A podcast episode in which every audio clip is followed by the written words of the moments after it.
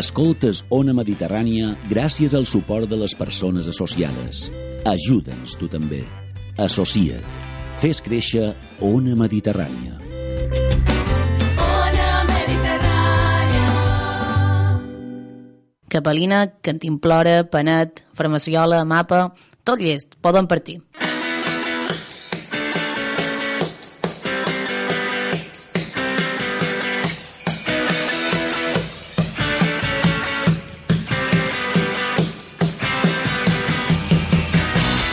Aixopluc, el programa de muntanya i esports de natura d'Ona Mediterrània amb Marc Ferrà. Hola i molt benvinguts a l'Aixopluc d'Ona Mediterrània una setmana més, el programa on la natura, la muntanya i els esports relacionats amb aquests dos mons són els protagonistes. Al programa d'avui escoltarem una nova veu per aportar més punts de vista pel que fa a la gestió mediambiental de la Serra de Tramuntana. Parlarem d'un concepte també que està a l'ordre del dia, la saturació d'algunes rutes senderistes o punts de la Serra de Tramuntana. Tot això ho farem Antoni Muñoz, que és el responsable de l'àrea de conservació del GOP. Però no serà l'únic protagonista. També tindrem amb nosaltres el director de l'Escola Balear d'Activitats de Muntanya, Pep Barceló, perquè ens expliqui què és i quina és la feina d'un tècnic esportiu o guia de muntanya, com formar-se per poder exercir, per fer aquesta feina, l'intrusisme laboral i moltes més qüestions. Però abans, com molts dies, encetarem el programa amb l'actualitat destacada de la setmana per parlar de nou de Kilian Jornet, perquè uh, un, en, una, en una setmana ha coronat no un, sinó dos, la cota més alta del món. Aixopluc, programa patrocinat per Kenya Interesport, la teva botiga d'esports.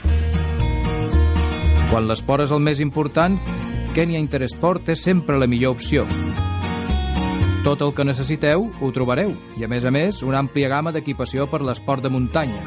Kenya Interesport, Avinguda Alexandre Rosselló 7 i a la web interesport.es.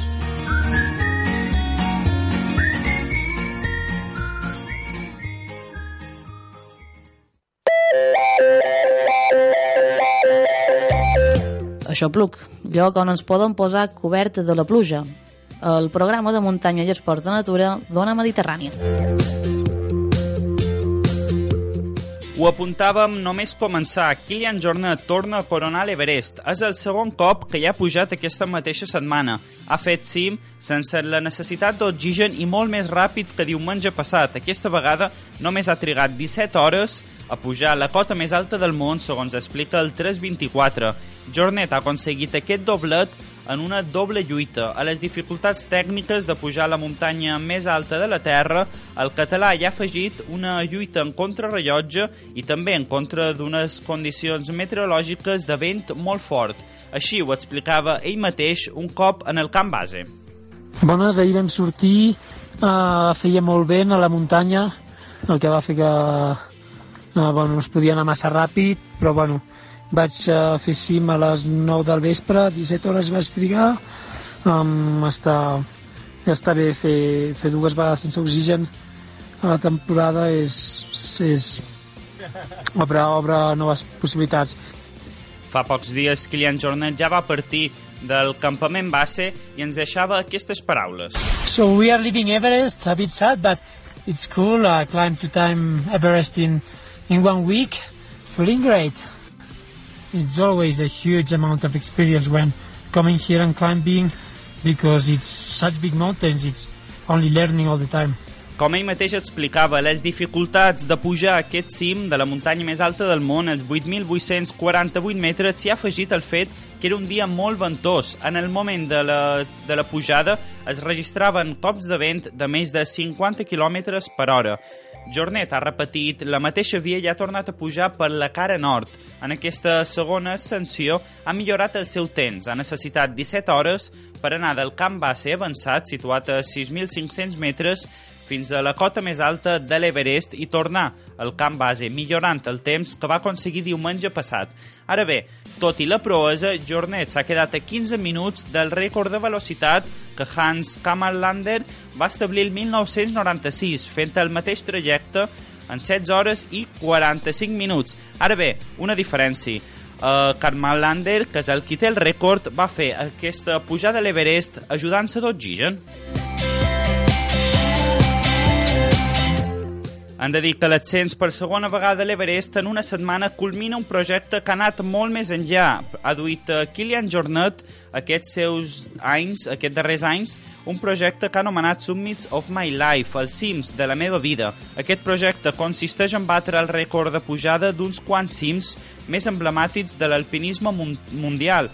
No necessàriament són els cims més alts, però sí muntanyes especials. És el cas del Mont Blanc, de la Concagua, el Cerví i ara el mateix Everest. Pel repte de l'Everest Jornet ha estat acompanyat de Sebastián Montaz Roset, guia de muntanya, videocàmera de l'expedició i també peça fonamental que també es mereix tot el reconeixement del món.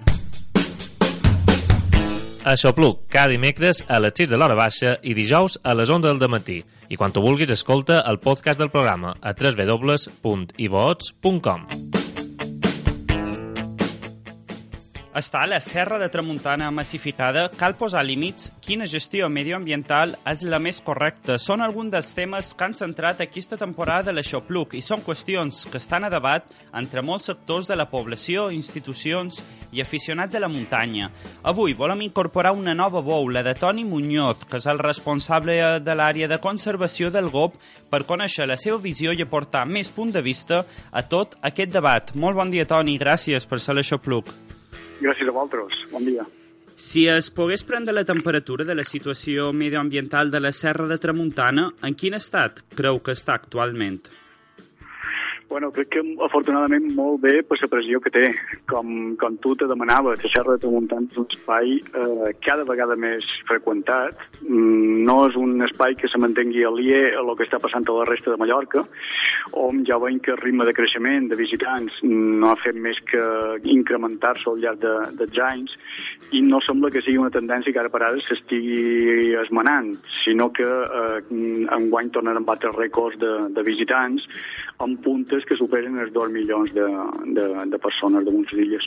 Per tant, la Serra Tramuntana és, és un espai que no ofereix mm, el que cerca el massiu, que és el sol i platja, però ofereix altres atractius i és evident que en determinades èpoques de l'any té una freqüentació molt important. Eh, per exemple, ara, eh, quan les temporades turístiques normalment després de Setmana Santa peguen una baixada per després tornar a repuntar de forma molt, molt potent a, a partir de, del mes de juny, en aquest moment, el mes de maig, um, tots som conscients de la gran afluència turística que tenim. Aquesta gent, um, algun d'ells van a la platja, però molts d'ells visiten altres espais de, de les illes, visiten l'interior, i evidentment la de Tramuntana és un espai eh, cada vegada més freqüentat pels, pels turistes que venen en temporades no, no plenament estivals. Uh, aquest darrers mesos setmanes i l'any passat també es parlava molt de la massificació i gentrificació sobretot en zones urbanes. En el cas de, gent, de la gentrificació no sé si també és així, però en el cas de la massificació també es podria dir que aquesta serra de Tramuntana es troba massificada? Sí, sobretot alguns espais. Eh, que, que, que surti públicament o que surtin veus dient que Mallorca està massificada no és notícia, si és que ho diu és el GOP o són altres entitats socials, però quan veus ajuntaments que eh, posen en marxa mesures per, per limitar l'afluència, eh, per exemple, a Formentor, és una iniciativa que en aquest moment ja en marxa, però també ajuntaments eh, conservadors com els de Santanyí, que, que se planteja limitar l'accés en trànsit rodat a algunes cases del seu municipi, és que alguna cosa està passant. És evident que els nostres espais naturals, entre ells la serra, eh, està rebent una pressió de visites cada vegada més forta. No vol dir això que tota la serra de Tramuntana estigui massificada, també és cert que hi ha gent per tot, vull dir que eh, eh, eh, això és fruit de que no hi ha realment una planificació en aquest moments que ordeni aquest trànsit de, de persones, però sí que és cert que, i molt evident que hi ha alguns espais de la Serra Tramuntana, com Formentor, o la Calobra, Vall de Mossa, que són espais que en aquest moments ja requereixen mesures de limitació perquè eh, l'afluència de visitants està generant un problema, està generant un problema de trànsit i està generant també un problema ambiental evident. Ara, ara en parlarem també d'aquestes mesures, com la que apuntaves del far de Formentor de l'Ajuntament de Pollença, però també et volia demanar eh, si aquesta massificació creu que és conseqüència de la gran arribada de turistes o també eh, s'ha de sumar la població de, de Mallorca que habitua més espais com la Serra de Tramuntana que potser fa un temps? Bueno, un pot de tot. Jo crec que la part més important és l'aportació que fa el turisme, que no fa més que créixer. Eh, això és molt evident. Ara, també és cert que des de, des de ja fa bastant d'anys eh, hi ha cada vegada una necessitat més evident de la població local de gaudir de, del medi natural. Això crec que ho hem de valorar positivament. Eh? Crec que el fet de que eh, la gent de la ciutat, sobretot eh, tingui una relació més propera amb la medi natural, jo crec que això és positiu i s'ha de fomentar que, que el ciutadà pugui gaudir de forma ordenada del medi natural. Ara, evidentment, aquest medi ha d'estar preparat per rebre aquest eh, impacte creixent de visites, tant de la ciutadania com de la població turística, cosa que en aquest moments no, no està. Fins i tot alguns espais on realment hi hauria mecanismes per, per regular-ho, com la Serra de Tramuntana, que recordem, la Serra és un espai protegit, eh, és un espai declarat paratge natural eh, l'any 2007, i per tant, en principi hauria de tenir instruments per regular aquest ús públic i eh, garantir que aquest ús públic no lesiona els valors naturals de, de la serra. Però el fet, la realitat és que aquests instruments eh, sobre el territori en aquest moment no existeixen i ens trobam en un, en un espai reconegut, un espai publicitat, però un espai on no hi ha realment mesures suficients per controlar aquesta, uh, aquesta afluència de visitants producte d'aquesta promoció i d'aquest coneixement públic. Quines activitats creus que són les més lesives per a aquest espai natural? Bueno, jo crec que hauríem de destriar entre activitats que tenen un impacte sobre la biodiversitat i activitats que tenen un impacte sobre eh, el propi gaudi del visitant. El, el primer aspecte jo crec que és el que més sovint tenim dins del cap, no? per exemple, activitats com, per exemple, fer alguns torrents, el, la pràctica de barranquisme, alguns torrents on hi ha espècies en perill, com per exemple el ferradet, eh, fer eh, vol lliure a eh, indrets on hi ha poblacions de, de rapinyaires forestals com la Milana, que és una en perill d'extinció, fer escalada a parets eh, on hi ha nidificació d'aus rupícoles, jo crec que aquestes pintures són, són les, les imatges que a tots mos venen al cap, no? d'aquest ús públic, a llocs on se genera un impacte sobre la biodiversitat. Però crec que no, no hem de menys tenir l'impacte que l'ús públic general genera sobre nosaltres mateixos, sobre el gaudi, sobre la percepció que tenim nosaltres quan anem al medi natural. No és el mateix visitar un indret o fer una excursió i trobar-te 5 persones que trobar-ne 500. I, I aquest és un impacte que sovint no se valora, però crec que és prou important. Eh, i, és, I és aquest eh, eh, un impacte que va en detriment de la qualitat del gaudi, de la qualitat del disfrut del propi espai natural i que està directament associat en aquesta massificació de la que parlam. I en el teu cas, que coneixes de primera mà la situació, l'estat de conservació de la Serra de Tramuntana, es podria dir que ja hi ha indicadors que, que demostren un deteriorament directe de la natura a conseqüència de tot el que parlam? Sí, el, el, el, alguns detalls, alguns detalls. Uh, com, com he dit fa una estona, hi ha gent per tot, i, i, i no només gent que fa itineraris um, que, que se publiciten a internet o llibres que n'hi ha per tot i, i, i se publiciten de forma descontrolada, fins i tot uh, d'esquenes a l'administració que, que sé que hauria de dir quins itineraris són convenients i quins no, però a més d'això és que hi ha una dispersió de visitants absoluta, fet que en alguns casos pot generar problemes. Pot generar problemes, per exemple, durant l'època de nidificació de determinades espècies.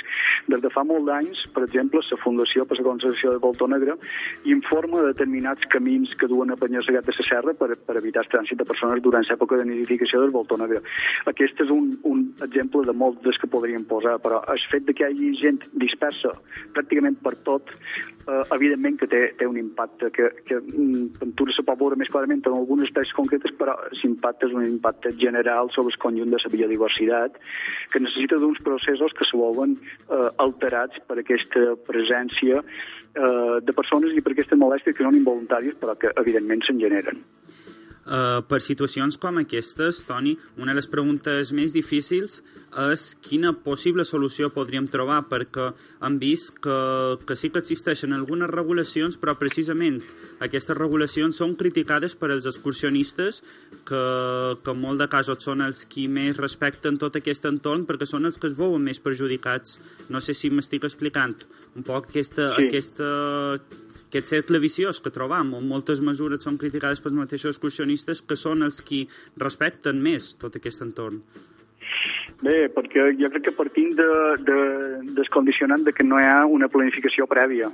Està clar que ha, eh, si, si convocàssim a les entitats eh, que històricament organitzen excursions eh, en aquestes illes, en el, en el GEM, i altres, i convocàssim en els guies de muntanya, convocàssim una sèrie d'actors, segurament damunt un mapa podríem col·locar quines són les excursions més, més eh, realitzades a Mallorca.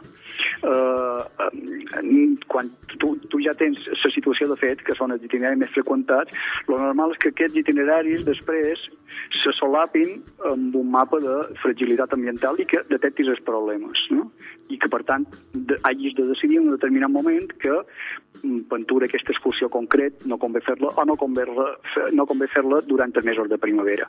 Eh, Aquesta, aquesta reflexió que estem fent ara en veu no s'ha fet. Eh, Aquest és el problema, que tenim eh, una, un espai natural protegit de la Serra Tramuntana amb un pla d'ordenació de recursos naturals, però que no eh, té una planificació de sus públic, que és el que realment crec que faria bé per tothom. Faria bé per els excursionistes que sabrien quins itineraris poden fer sense cap problema i, evidentment, valdria per la conservació de les àrees que són més, més fràgils. Lamentablement això no existeix, no? i, per tant, se, se, és una de les de ses, uh, de ses demandes i de ses de requeriments més importants de la Serra Tramuntana en aquests moments. Ordenar sus públic perquè tothom pugui saber quin és el marc de referència i pugui saber per on pot anar i per on no pot anar. Mentre no tinguem això, tindrem gent per tot i moltes vegades generant un impacte que, que, que no som capaços de contenir. Ja, ja l'has citat abans, però una d'aquestes mesures que, que s'han potenciat en concret des de l'Ajuntament de Pollença, tot i que hi ha més ajuntaments que han fet, eh, han, han, han realitzat mesures similars, és eh, restringir aquest accés a un punt com el far de Formentor durant determinats períodes. Què en trobes d'aquesta mesura? Creus que és la solució o és, és una solució puntual, temporal? No, jo crec, jo crec que és una mesura encertada. Hem de pensar que Formentor, el far de Formentor, és un cul de sac en el qual s'accedeix per una carretera no gaire ampla, eh, a la qual hi ha problemes de trànsit cada dia. I quan hi ha, eh, bueno, i en els mesos més, més, de més freqüentació turística, eh, eh, a, a, a, a quilòmetres fins i tot del far, el pots veure cada dia. És, és evident que s'havien de prendre mesures aquí, mesures mm, no, no de, per, com, per abordar un impacte ambiental, sinó per abordar un problema de trànsit que és evidentíssim. Aquesta carretera no se pot col·lapsar d'aquesta manera, perquè si hi ha qualque problema, Posem per cas que hi hagués un incendi a la zona, de, de, a la zona prèvia arribant al far. Si que està al far no podria sortir. Uh, per tant, evidentment, aquí fan falta mesures urgents per, per uh, abordar aquest problema de saturació de trànsit uh, a la zona del far. I la mesura que s'està posant damunt la taula de la gent que vulgui anar al far, perquè deixa el cotxe a Pollença i des d'allà hi haurà un servei de bull llançadera que sortirà cada X minuts, a mi me sembla molt, molt condreta. Una solució que, com, com sabeu, s'està plantejant també a altres indrets de Mallorca. I és que, malauradament, no quedarà més remei que fer-ho així, perquè ha, eh, aquesta saturació de cotxes genera problemes de trànsit, genera problemes de seguretat i genera problemes ambientals. I, per tant, eh, eh, com sempre, actuam en el darrer moment, en el moment en què ja han passat el límit i, i, i, i és el moment, evidentment, de prendre aquestes mesures, si pot ser per, per, per aquest estiu, si no per l'estiu que ve, per evitar aquesta situació de sobresaturació de cotxe de determinats indrets. Evidentment, tot el que expliques és totalment comprensible, però també s'ha de dir que, que com a conseqüència d'aquesta mesura s'han sentit veus de gent que viu aquí que diu i per, cara, per què jo no he de poder anar al far de Formentor quan, quan vull, quan la, quan la majoria de vegades són els turistes els que estan allà. Saps? Aquest debat que també, vulguis o no, eh, ha creat polèmica. Sí, i, i és molt, molt comprensible. Jo com, com a mallorquí també me sento greujar, però jo no en tinc cap culpa. Però, però de fet, en som en part culpable. No? En, en definitiva, el model que m'ha fins aquí, el model de creixement continuat i, i el model en què cada vegada hi ha més turistes i cada vegada hi ha més cotxes de lloguer per mig, és un model que, que, que s'ha duit a terme per part dels polítics que no tots han votat i que no han pres mesures. Vull dir que um, sí que en són responsables d'aquesta situació I, i aquesta situació ara se mos retorna en forma de pilotada que mos fa mal perquè, en definitiva, em, em som agreujats, eh? però tots estem contribuint en aquest problema. Quan anem a Formentor nosaltres i, i van 200 més, pues, no tots són part del problema, també. Evidentment, el seu seria, no, no, no, és que nosaltres com a mallorquins hi podrem anar sense cap problema, els estrangers que no hi vagin. Però crec que això jurídicament és molt complicat. Per tant, si volem turisme de masses i turisme massificat, això té unes conseqüències. I eh, aquestes conseqüències molt passaran factura. Per tant, ja parlam, ja parlam d'un problema molt més general que, que, que surt d'aquesta mesura concreta. Sí, sí, sí, clar, clar, clar. No, no, és que... Eh, eh, i, i, I moltes altres derivades, de les quals no en parlam, no? D'encariment de, del nivell de vida a Balears, de dimensió d'infraestructures, no per la necessitat dels mallorquins, sinó per la necessitat de, dels turistes. Mm, estem parlant de carteres, estem parlant de depuradores, que no se fan mesurades a lo que necessitem nosaltres durant l'hivern, sinó a lo que necessiten els turistes durant el mes d'agost. I tot això ho paguem nosaltres. Per tant, evidentment, hi ha moltes derivades més enllà d'aquestes limitacions que ens haurem de menjar i que són conseqüència d'aquest model que, que, que, que fins ara no, no hem volgut o no hem pogut eh, abordar per limitar. I Toni, canviam un poc de tema, però també són sobre problemes que, que afecten a la Serra de Tramuntana. Parlaven de massificació de persones. Un dels temes a debat que, que també hi ha sobre la taula i força polèmic, podrien dir, és la massificació de cabres en aquest espai natural. En varen poder parlar precisament en la Conselleria de Medi Ambient i creus que aquesta sobrepoblació de cabres pot ser també un problema? Potser no és un problema. De fet, eh, en, en aquestes illes tenim una sèrie d'espècies vegetals que en tot el món només les trobam aquí. I algunes d'elles només viuen a les parts més altes de la Serra de Tramuntana. Eh, D'aquestes espècies, la majoria d'elles tenen en aquest moment a la postura de cabres com el seu principal problema per sobreviure. Per tant, no és una qüestió que pugui ser un problema en el futur, ja és un problema per moltes espècies que podrien desaparèixer del món si no són capaços d'atendre aquesta sobrepoblació de pastura incontrolada de cabres a Serra Tramuntana. És un problema ambiental gravíssim, és un problema molt mal d'abordar, perquè eh, hi ha una sèrie de, de sensibilitats eh, que eh, en una part per desconeixement, perquè falta informació, i per altra banda són sensibilitats molt legítimes de persones que consideren que aquests animals eh, en aquests animals no se'ls ha de fer mal, tenim un problema que l'administració no ha estat capaç d'encarar adequadament mai. Eh? Quan a altre lloc del món sobretot a Austràlia i Nova Zelanda, on les cabres i altres espècies introduïdes generen un problema ambiental des de fa molt d'anys ben identificat, a altres llocs del món tota, aquest, tota aquesta discussió està més que superada. Eh? Uh, a Austràlia, per exemple, per posar-te un exemple, en aquest moments hi ha un pla de l'administració, del govern, del Ministeri de Medi Ambient, per eliminar milions de moixos. Quin polític d'Europa s'atreviria a plantejar una actuació com aquesta? De, uh, com, perquè sabem que hi ha una sèrie d'espècies moixos, cabres, que tenen un cert estatus d'espècies de, de, molt estimades, altres com per exemple setxers o, o les cucamolles o ratalins no el tenen, no? no entrem en aquesta discussió. Però està clar que eh, en el tema de la problemàtica de la cabra, que és un problema que ve de molt enrere, l'administració mai ha estat valenta per explicar el problema i per justificar que fa falta actuar. Però la situació és que si no actuam, algunes espècies vegetals de la Serra Tramuntana poden desaparèixer de la biodiversitat mundial. I altres comunitats forestals, com per exemple els jausinars, poden veure eh, molt condicionades a la supervivència a llarg termini perquè s'estan fossilitzant perquè les noves usines que neixen són devorades per aquesta pastura incontrolada i, per tant, els usines estan tornant cada vegada més vells, són més susceptibles a les malalties i, per tant, eh, dins un escenari de cada vegada menys pluges o un, unes temperatures més altes, si a més a més no hi ha renovació, l'usina està condemnat a desaparèixer precisament una de les mesures en relació en aquest tema i que segur que el recordes és el quan, hi va quan van eliminar les cabres del Vedrà, que també va crear molta polèmica. Creus que la solució és regular a través de l'eliminació d'aquesta espècie a la Serra de Tramuntana? El que tinc clar és que s'ha d'actuar. Uh, una altra cosa si s'ha d'actuar de la forma que se va fer en el Vedrà o se poden fer uh, altres coses. Eh?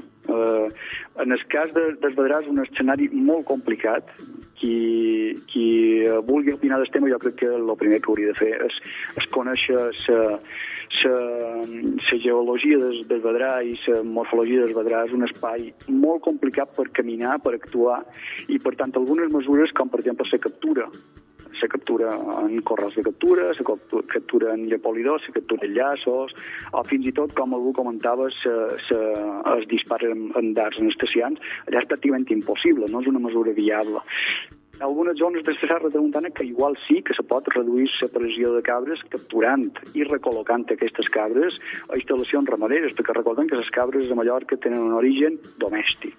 La cabra, quan va arribar Somo, aquí a les Balears no hi era. L'han duit els homes i les que pasturen per la muntanya mmm, fa més temps o fa menys temps eren cabres que eren domèstiques.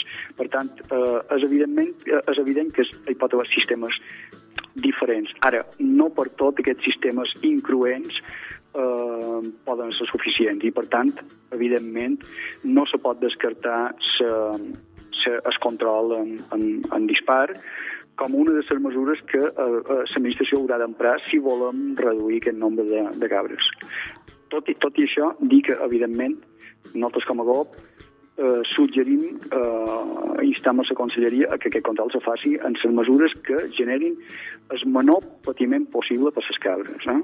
Però eh, aquest, eh, aquest tema del benestar animal no pot estar per damunt de la conservació de la biodiversitat. La conservació de les cabres no pot estar per damunt de la conservació dels urinars, la conservació dels vegetals, la conservació dels animals que viuen a la serra tramuntana, més enllà d'aquesta espècie concreta que és la cabra. I seguim parlant de temes que afecten a la Serra Tramuntana i que segur que interessen a tota la gent aficionada a l'excursionisme i a les activitats de natura. Toni, el 2011 la Serra Tramuntana va ser nombrada Patrimoni de la Humanitat per la UNESCO. Quina valoració en fas d'aquests sis anys pel que fa a la gestió d'aquest espai? Trobes que hi ha hagut un abans i un després? La veritat és que no se nota molt, eh, sap greu dir-ho, però mm, tampoc m'ho sorprèn recordem que la figura de patrimoni de l'UNESCO és una figura, eh, és una etiqueta de qualitat, és una etiqueta que se va donar a la Serra de Tramuntana perquè tenia un patrimoni cultural espectacular en forma de, de, de marjades, en forma de canaletes, en forma d'obres d'arquitectura tradicional de, de la serra que, que li donaven un caràcter que mereixia ser eh, lògicament conservat. Però eh, més enllà d'aquest reconeixement eh, aquesta mm, figura de la, de la Serra Tramuntana com a patrimoni mundial té poques mesures operatives, té poques eines per garantir la conservació i la millora d'aquest patrimoni. No? perquè eh, no és una figura que tingui una gran dotació econòmica, no és una figura que tingui personal, Eh, evidentment, per protegir aquest patrimoni necessites vigilància, però aquesta vigilància no depèn d'aquesta figura, sinó que depèn d'altres instàncies, en concret de la Conselleria de Medi Ambient, que té els agents de Medi Ambient, que són els autèntics vigilants de la Serra Tramuntana. No té realment una, una infraestructura de gestió, no, no, no, no, no té, no té un, una planificació a, eh, a curt termini de quins projectes farem i no té un pressupost. Per tant, és una mesura mm, una miqueta mancada de, de, de contingut, que evidentment en podria tenir, si se eh, dotars de mitjans, de mitjans econòmics i de mitjans humans. Però a manca, a manca d'això, el que sí que hem de tenir clar és que la Serra de Tramuntana sí que està protegida per una altra figura, que és la figura de paratge natural, és una figura molt potent, més potent que la figura de, de reconeixement de Patrimoni Mundial de l'UNESCO, però que aquesta figura, malauradament, sí que té una planificació i sí que té una estructura i, i, i està declarada amb, un de, amb una llei de, del govern de les Illes Balears però eh, és una figura que des de l'any 2007 pràcticament no ha caminat, no s'ha posat en marxa.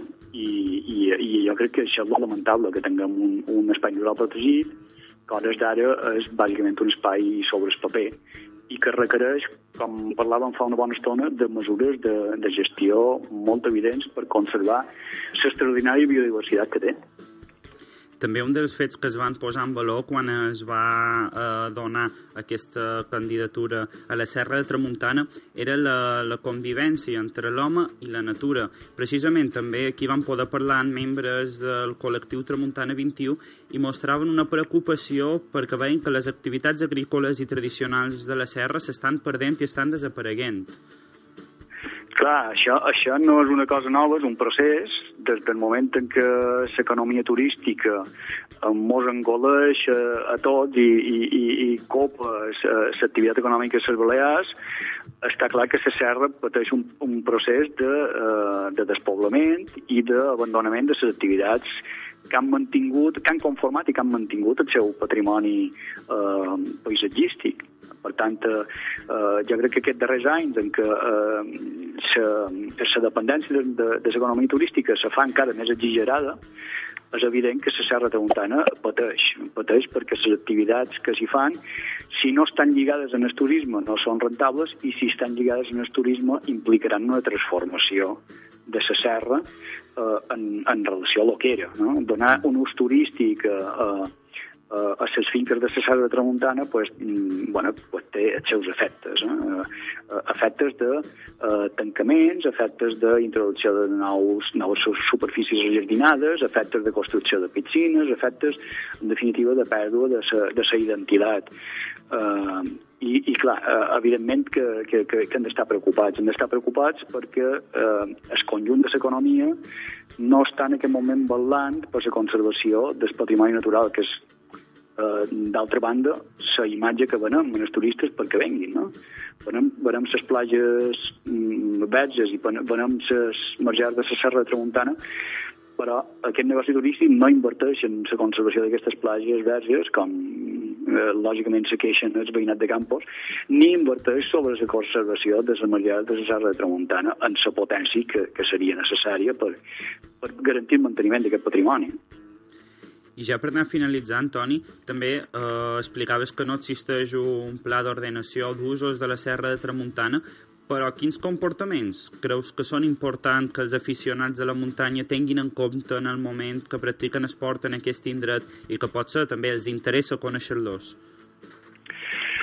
Per determinats esports sí que hi ha, hi ha normativa. Hi ha normativa eh, derivada d'aquest Pla d'Ordenació de Recursos Naturals de Serra de Tramuntana, normativa que, que, que s'ha de complir, i altra cosa és que eh, hi hagi mitjans per velar pel compliment d'aquesta normativa, com, eh, com tots sabem, la dotació d'agents de medi ambient, que són els vigilants del compliment de la normativa ambiental, és molt escassa i no donen abasto. El cap de setmanes, perquè me fóssim una idea, a la Serra de Tramuntana, més de 60.000 hectàrees, hi ha dos agents de medi ambient ja me diràs de quina és la feina que, que, que poden fer. Per tant, a totes aquestes persones jo crec que la fonamental que s'informin, que s'informin de si el que volen fer o ho poden fer en el lloc on, on, on ho pretenen fer i que demanin les autoritzacions corresponents a la Conselleria Medi Ambient i que ho facin en temps. Això també és molt recomanable perquè eh, una autorització demanada avui no se donarà passat demà. Eh? Per tant, la gent que vol fer torrents, la gent que vol fer escalada, la gent que vol fer vol lliure, la gent que pretén fer aquests esports un poc més d'aventura, que, que normalment se practiquen a llocs més agrestes, que s'informin i que demanin autorització, perquè d'aquesta manera eh, evitarem els impactes que segurament aquestes persones no volen produir, però que se poden acabar produint. Ja ja sí, Toni, la darrera pregunta hem parlat de molt de temes i si una cosa crec que poden treure moda de conclusió és que hi ha molta feina per fer Quin creu des del GOP que hauria de ser el full de ruta pel que fa a la gestió de la Serra de Tramuntana? Quins punts creus que són importants començar a treballar? Jo crec que el fonamental és, és uh, impulsar la figura de protecció que tenim, que és molt potent. La figura de paratge natural és una figura de màxim nivell, del nivell de la reserva natural, del parc natural. I el marc és adequat, eh, perquè, perquè és el marc sobre els que se gestionen i protegeixen la gran xarxa d'espai natural protegits que tenim a Europa i a la resta del món. Per tant, la figura la tenim. Què fa falta? Fa falta compromís polític, fa falta d'obers, fa falta a l'hora de batallar els pressupostos que la Conselleria de Medi Ambient mm, sabrà i perquè la serra tingui la inversió necessària per dotar-la dels mitjans eh, tant per fer vigilància com per fer informació, com per ordenar sus públic, com per fer la conservació del patrimoni natural que, que, que té la serra, que és extraordinari.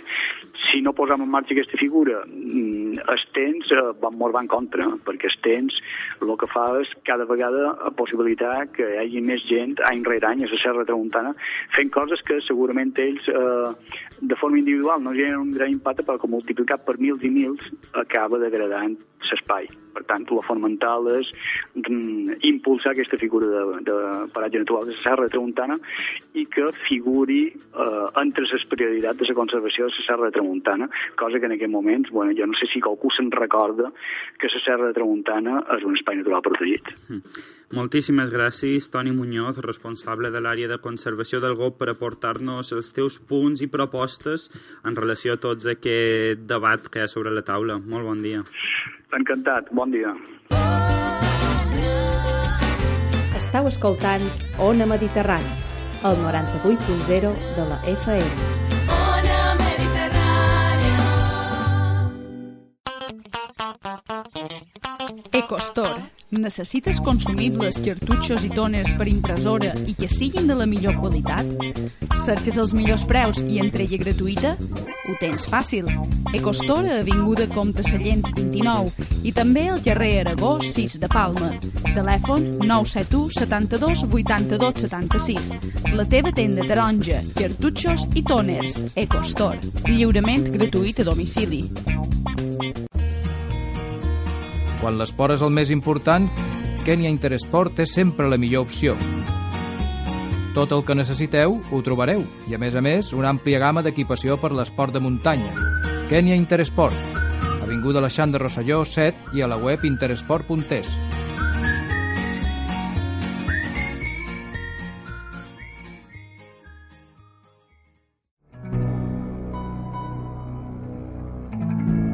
Tres de Soma, 3 anys oberts amb tu, imprimint, escanejant i modelant en tres dimensions. 3 de Soma, oberts a tots els vostres projectes artístics i tecnològics. Formació, electrònica, robòtica, internet de les coses. Som 3 de Soma, factoria oberta als factors de Mallorca.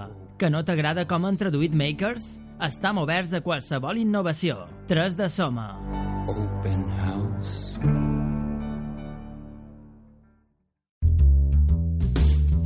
Fluixà de Lluís Torres Advocats.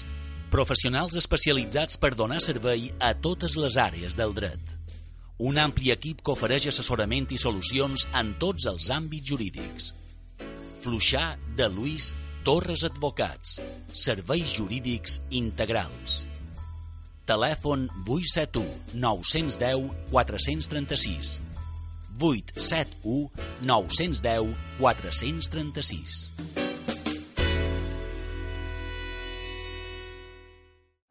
Vermut Montaner, el nou vermut de Mallorca, un vermut autèntic i elegant, elaborat amb prensal blanc i una maceració de 12 herbes aromàtiques mediterrànies.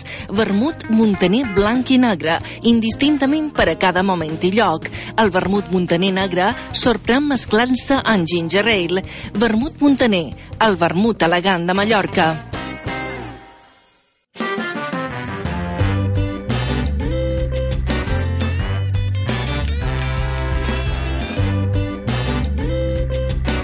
Ona Mediterrània, la millor música i programació en la nostra llengua. Ona Mediterrània.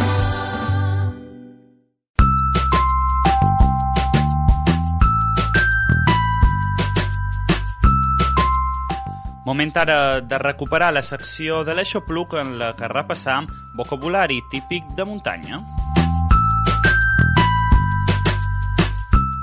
Rebeig, lloc d'un riu, torrent on es pot banyar-se. Reiguer, part més baixa d'una muntanya. A Mallorca també, contrada que es troba entre les badies de Palma i Alcúdia, el Pla i la Serra Tramuntana, en capital a Inca. Rajolí, raig molt prim d'un líquid. Ràpel, maniobra emprada en escalada per descendir parets verticals mitjançant una corda. Rosseguera, terreny rost i ple de pedres movedisses. Rota, tros de terra que un conreador cultiva dins el terreny d'un senyor pagant un lloguer. Rosada o roada, humitat en forma de gotes líquides formades per condensació directa del vapor de l'aire sobre el sol, o també la vegetació, quan aquestes superfícies s'han refredat, sobretot a la nit. Heu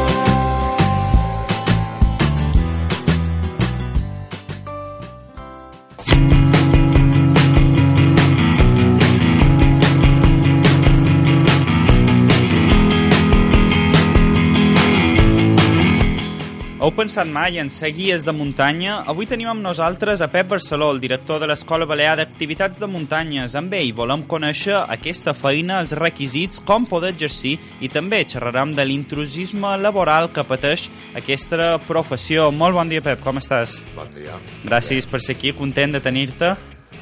Per qui no conegui eh, la vostra feina, que, que, quines són le- les tasques que realitzeu des de l'Escola Balear d'Activitats de Muntanya? Bé, l'Escola Balear d'Activitat de Muntanya és òrgan eh, formatiu, és òrgan docent de la Federació Balear de Muntanya i eh, tenim eh, diverses línies eh, docents obertes. Per una banda fa informació d'esportistes eh, mitjançant eh, cursos de torrents, d'escalada, iniciació, avançat, Eh, després fem seminaris especialitzats, ara darrerament hem fet un seminari sobre la por, eh, com gestionar la por i eh, l'escalada, per exemple.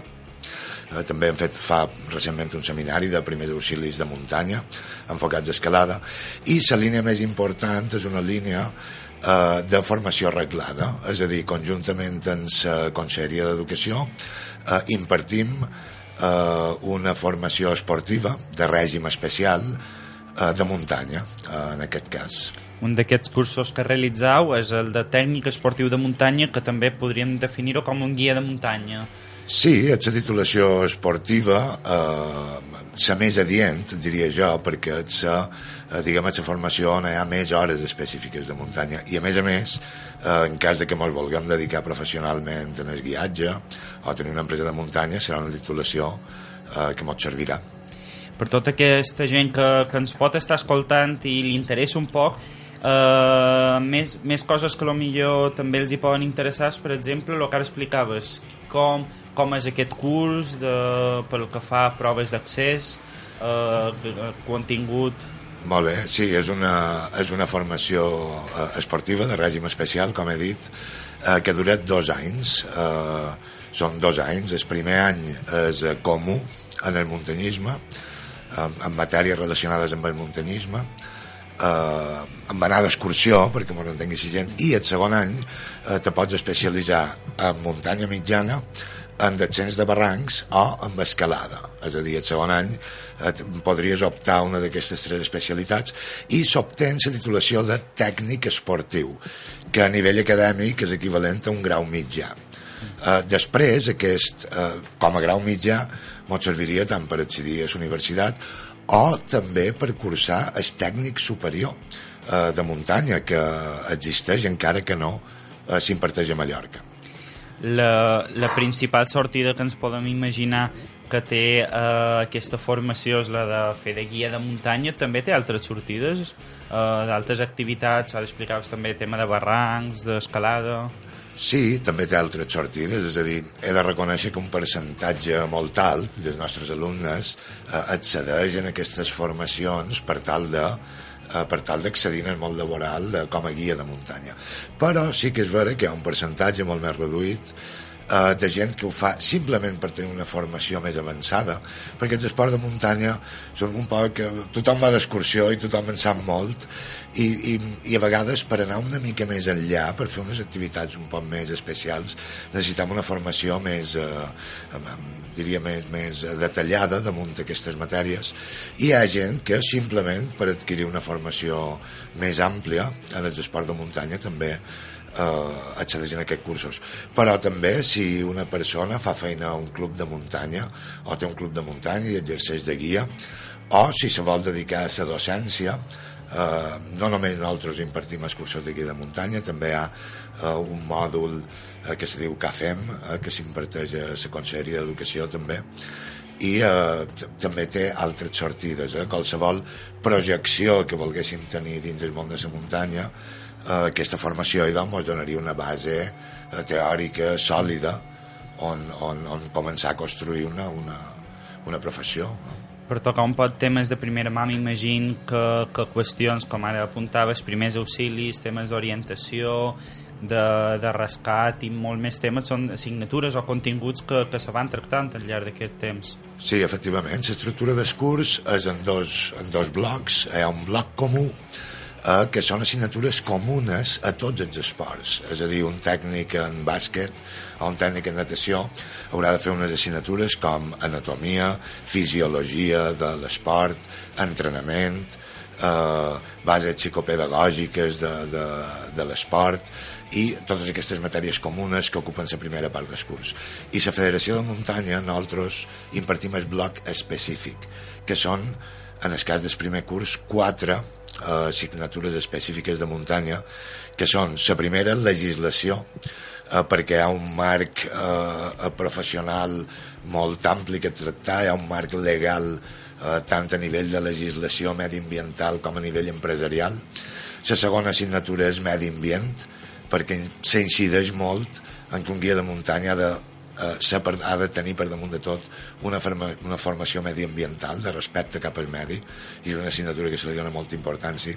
I les dues assignatures tècniques per dir-ho d'alguna manera eh, que compten amb sessions teòriques i sessions pràctiques són les assignatures de seguretat que és una assignatura capital per al guia de muntanya perquè ja no se tracta només d'anar d'excursió tu i jo amb un company sinó que som responsables d'un grup d'un grup que no coneixem, d'un grup de 10-12 persones que hem de conduir per la muntanya i la seguretat és fonamental, seria el tercer mòdul. I el quart mòdul, també molt important, és el mòdul de eh, formació tècnica i conducció. La conducció seria el guiatge pròpiament dit dels grups i la formació tècnica seria la formació, eh, és a dir, física que hem de tenir, com coses tan senzilles com tropitjar, com, com escalar, com col·locar el centre de gravetat corporal, eh, són coses a les quals no param atenció i tenen un, un valor important. I també per, per tots aquests interessats o interessades, eh, hi ha alguns requisits o proves d'accés per poder realitzar aquest curs? Sí, efectivament. Ara, eh, de fet, dia 10 de juny, ara pròximament se celebren les proves d'accés. Eh, són unes proves d'accés per determinar que aquella persona que vol cursar aquests estudis té un mínim a nivell físic i un, un mínim nivell d'orientació. Eh? La prova d'accés eh, consisteix en una, en una, en una caminada d'orientació-resistència a la qual s'ha d'assolir un desnivell positiu de 1.500 metres en un temps determinat, depenent de la zona on se realitza la prova. No puc dir on se celebra Clar, aquest no, any, però bé, solen ser unes 3-4 hores i és una prova que una persona que estigui mínimament entrenada, una persona que hagi anat a la muntanya i hagi mirat qualque vegada un mapa, no té cap problema, és a dir, és simplement una prova d'accés, no és, no és molt exigent, així que jo animaria a tothom que mos senti, que per poca experiència que tingui, que si ho vol provar. Claro, endavant. Uh, també et volia demanar si, si aquesta formació de guia de muntanya o la professió en si va a l'alça. Sí, sí, indiscutiblement. És a dir, eh, qualsevol persona que mos escolti, si surt un dia a la muntanya, mm, avui en dia eh, els esports estan de moda, els esports de muntanya no en són una excepció, estan de moda les curses de muntanya, surt moltíssima gent a la muntanya. Jo exerceix de guia professional i, i la quantitat de gent que tenim a les muntanyes avui i la que teníem fa un temps enrere eh, ha hagut un, un, un canvi exponencial. Aleshores, clar, entre que estan de moda els esports de muntanya eh, la gent cada vegada eh, participa més d'aquests esports. I donaré una dada, crec que avui en dia hi ha més de 50 empreses a Mallorca operant, 50 empreses més eh, de 50 de turisme actiu quan 20 anys enrere eren a mitja dotzena. És a dir, està clar que, ha un, que és una professió a l'alça, totalment. M'imagino que un dels mercats més amplis que hi ha també és el turisme, no? Que... Aquí a Mallorca, sens dubte, i la intenció de la nostra escola és formar veritables professionals per donar un bon servei a, a, a, tot, a, a tot aquest mercat que ara s'està obrint, és a dir, molt important perquè un temps enrere hi feia de guia qui podia, qui en tenia ganes, però no hi havia un marc legal, encara no hi havia un marc formatiu, i jo crec que avui en dia eh, eh, és, és una bona idea de formar-se bé per donar un bon producte turístic i no turístic, perquè també hi ha una part important de població local, escoles, eh, que eh, també requereixen els, els serveis d'un guia de muntanya. Clar, explicaves escoles o grups que poden sortir eh, d'excursió. En, a, en aquest cas, eh, com, com els convenceries d'alguna manera per, per mostrar-los la importància de que, de que comptin amb un guia a l'hora de fer aquestes activitats? Bé, avui en dia eh, hi va un canvi legislatiu, crec que cap a 2000, pf, no me'n record, 3 o 4, a, a les quals s'instava a les associacions deportives de comptar amb un tècnic i se van haver de modificar els estatuts. Avui en dia la Conselleria d'Esports està bastant damunt de tots els esports i, i des de muntanya també. I avui en dia un club ha de comptar eh, amb un tècnic eh, per, per poder tenir estructura de club. També la federació, i no n'hem parlat d'això, eh, de cara als clubs, de la gent que exerceix de guia voluntari, també tenim una titulació molt més curta, no és una formació de dos anys, sinó de més de dos mesos i mig, que és una formació específica de guia voluntari, específic per als guies que fan guiatges voluntaris no professionals en els clubs. I d'aquesta manera no només se formen, sinó que la federació els hi atorga una assegurança de responsabilitat civil i una protecció jurídica perquè aquests guies se trobaven desemparats i Ventura demanar un guia d'un club que dos pits en sang fa una excursió de, de bona fa i perquè és de, membre d'aquell club de fa molt de temps a valor de fer estudiar dos anys Ventura eh, té aquesta altra opció també federativa el que ha de tenir molt clar és que aquesta titulació només l'habilita a, a exercir de guia dins àmbit federatiu i voluntari Clar. Això. També un dels altres temes que m'interessava posar damunt la taula és el tema de l'intrusisme laboral. És un problema, també?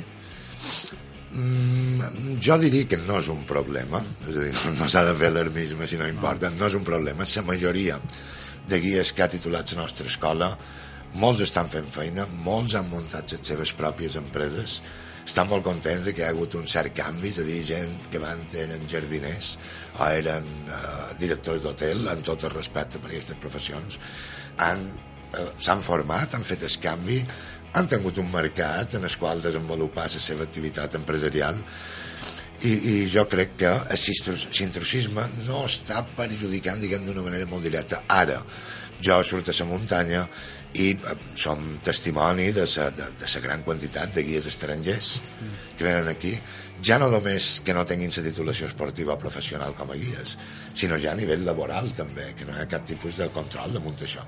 I molt de turoperadors primen l'idioma damunt el coneixement. Certes que han de fer que és una assignatura pendent, el tema dels idiomes.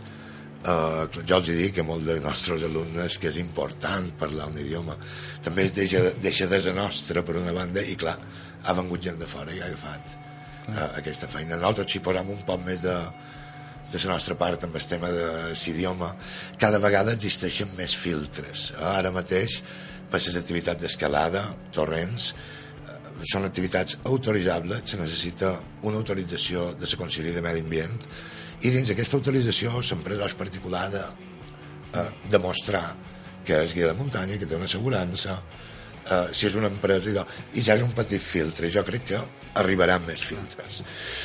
Però bé, sí que hi ha intrusisme, eh? sí, sí, d'aquí molt sent qualcú, el desembassament de Cuba, eh? les 9 a les 10 del matí, és un rosari de, de, eh, de guies, molt d'ells, que no tenen titulació. També la gent que surt d'excursió i cal posar també en valor la, la feina dels guies titulats eh, precisament.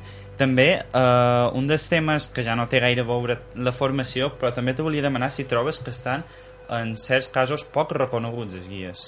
I a Teixer, per exemple, avui, avui contàvem la notícia que en Kilian Jornet havia pujat per segona vegada i clar, i en el final teníem eh, el repte el va fer acompanyat del guia de muntanya i que també era videocàmera Sebastián Montaz Roset clar, aquesta persona no és no té no el mateix reconeixement que en Kilian en el seu cas, però el feia de guia i també estava sí, amb ell. I, i té, jo crec que, que té més mèrit, eh, inclús, té, té molt de mèrit. Jo, jo havia llegit aquesta notícia de, del fotògraf i eh, acompanyant. Jo, com a guia de muntanya professional, jo crec que és una tasca pintura no reconeguda en els mitjans perquè és un esport molt novedós. Fins fa poc eh, tu eres molt jove, però els meus referents de fa 25 anys eren César Pérez de Tudela, eren muntanyers, eh, eh, la muntanya era una cosa un poc més, no tan esportiva, sinó tenia un caire més d'aventura. I jo crec que a poc a poc s'ha anat integrant dins els esports i encara so, som joves els esports de muntanya i en els mitjans estan poc reconeguts, hi ha moltes pàgines de futbol, però ara cada vegada més tenim una pàgina de les curses de muntanya en els diaris. Sempre tenim aquella, al Manco tenim aquella, aquella nota de premsa petita, però ja surt la gent que guanya, jo crec que el reconeixement va increixent. Però el millor de tot, la gent que mos escolti, els guies que ja fan feina, el millor reconeixement és la gent que dus. Si ets, jo sóc guia de barrancs, si jo que una persona fes a fosca, per exemple, un grup de gent mallorquina, que n'ha sentit parlar tota la vida i no ha anat mai. El reconeixement que te donen personalment, és a dir, quan acabes l'excursió, la nostra professió és màgica, és a dir, nosaltres li donem la clau a una persona per visitar un lloc que amb els seus mitjans no hi podria anar mai. I acompanyat per nosaltres, nosaltres li hem obert la porta i li hem mostrat aquell, eh, aquell univers i el reconeixement de la persona és un reconeixement eh, molt gran i, i molt, molt gratificant.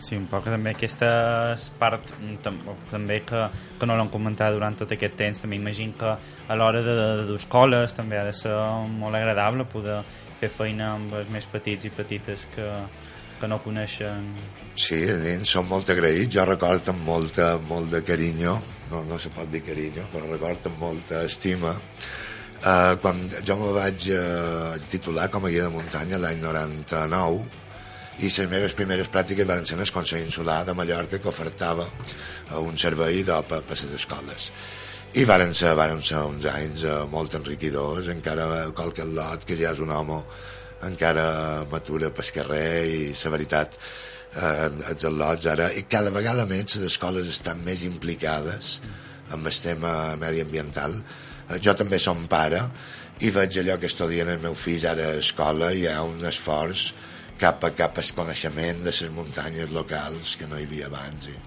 Clar, el que també apuntaves és l'assignatura aquesta de medi ambient, que l'important conèixer pues, eh, la vegetació, la fauna, tot, no només el camí.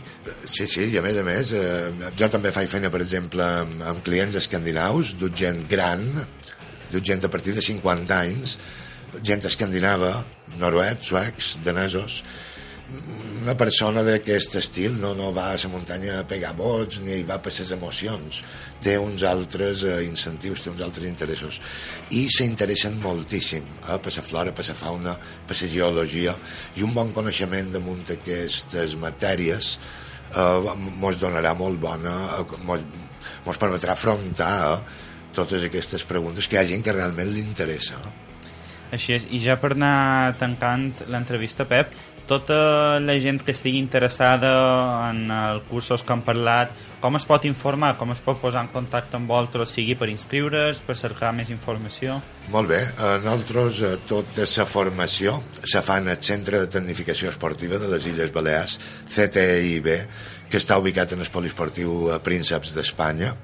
És a dir, aquí se fan les classes, aquí hi ha la secretaria, i aquí, si cercam CTIB, eh, CTIB en el web, eh, trobarem el telèfon, eh, el correu electrònic i podem consultar bases. A la seva pàgina web també tenen anunciades ara les proves que, bé, el termini està exaurit, però per la gent que se vulgui apuntar, el mes de setembre, en, en tota seguretat la tercera setmana se convocaran unes segones proves d'accés per tant, tothom que estigui interessat ja sap on pot consultar tota aquesta informació. Moltíssimes gràcies, Pet Barceló, director de l'Escola Balear d'Activitats de Muntanya, per ser aquí amb nosaltres i explicar-nos tota la feina que esteu fent. Salut.